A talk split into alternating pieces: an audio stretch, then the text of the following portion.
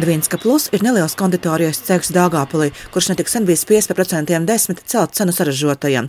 Uzņēmuma piedāvājumā ir konditorija, cepumi un kulinārija.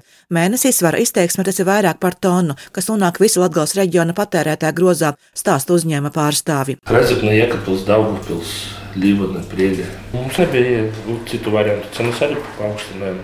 Nu, aptuveni 10% laikam tas sanāca. Nu, Izīvielas palika dārgāk. Plus elektroenerģija dārgāk un pārējais degviela.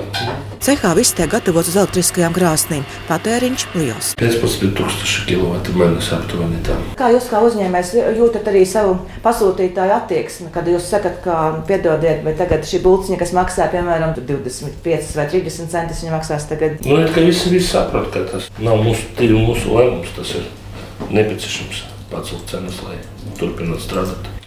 хлебе это катастрофа. Просто реально... Ja elektrība ir cēlusies divas reizes, tad gāzi trīs reizes. Tā ir katastrofa priekš Latvijas maizes ražotāju, mūsu uzņēmumam, kurā strādā 80 cilvēki. Kā viņus uzturēt? Tā situācija sadārdzinājuma gāzē raksturo maizes ceptuves Ludzā Ludzas maiznīca vadītājs Jevgenijs Lukašenaks, kura uzņēmums pilnībā atkarīgs no gāzes cenas. 16 тысяч. Mūsu uzņēmums mēnesī patērē 16,000 kubikmetrus gāzes, jo pilnīgi visas krāsnes darbojas ar gāzi. Finansiālais apgrozījums gadā ir 3 miljoni eiro. Mēs jau pērn pandēmijas laikā pirmo reizi gadu beidzām ar zaudējumiem, bet tagad tā ir katastrofa.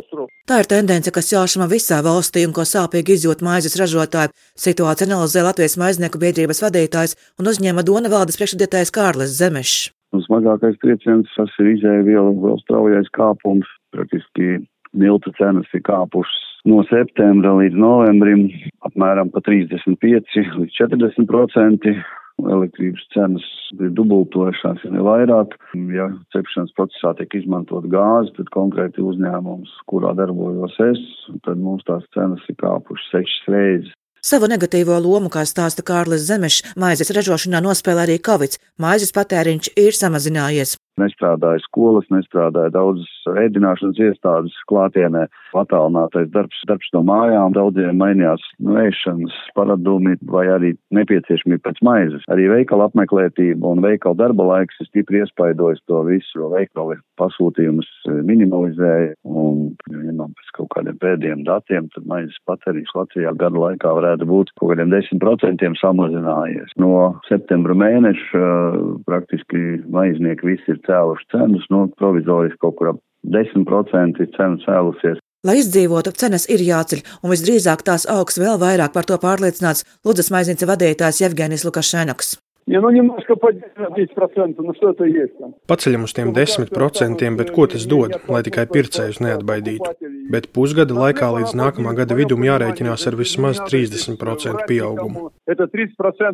Maizes ražotājiem nav izvēles. Pāriet uz citu energoresursu arī nav tik vienkārši, skaidro Latvijas maiznieku biedrības vadītājs Kārlis Zemešs. Teiksim, tie, kas ir saistīti ar dabasgāzi, nu, tā perspektīva pašlaik vismaz prognozētā ir ļoti, ļoti slikta un nu, tiek meklētas alternatīvas. Jā, tehnoloģiskās iekārtas paredzētas viena veida energoresursam, nu, pāriet uz citu, jā, tas var prasīt pat iekārtu nomaiņu, vai tas ir iespējams nu, tas stipri jāvērtē pie zemās pirktspējas un pie vispārējām. Latvijas maiznieku biedrība prognozē, ka cenas maize augs, taču reāli izmaksas maizes ražotājiem būs lielākas nekā to jutīs patērētājs. Ļoti pieaugusi konkurence uzņēmumu starpā, un konkurence ir tā, kas šobrīd ļoti notur cenas uz vietas, ļoti tur cenas. Savukārt, nu, skatoties atkal no cenām plauktā, nu, jāsaprot to, ka, nu, maizes cena nevar kāpt bezgalīgi, jo tad viņi nebūs nopērkami, un tad jau vairs tā nav runa par pirmās nepieciešamības produktu. Nu, teorētiski viņai šobrīd, ja saliekam visas, visas izmaksas, un tā kā tam būtu jābūt, nu, tie 30% tā būtu tāda normāls cipars.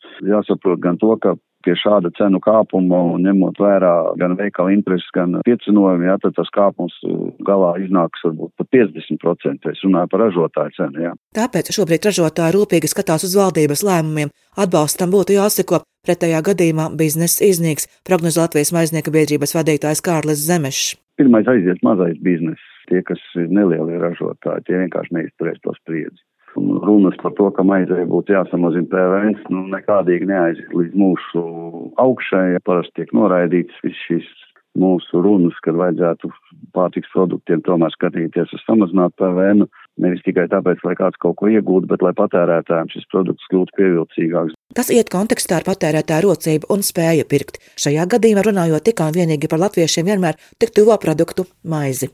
Silvija Smagra, Latvijas radio studijā Latgalē.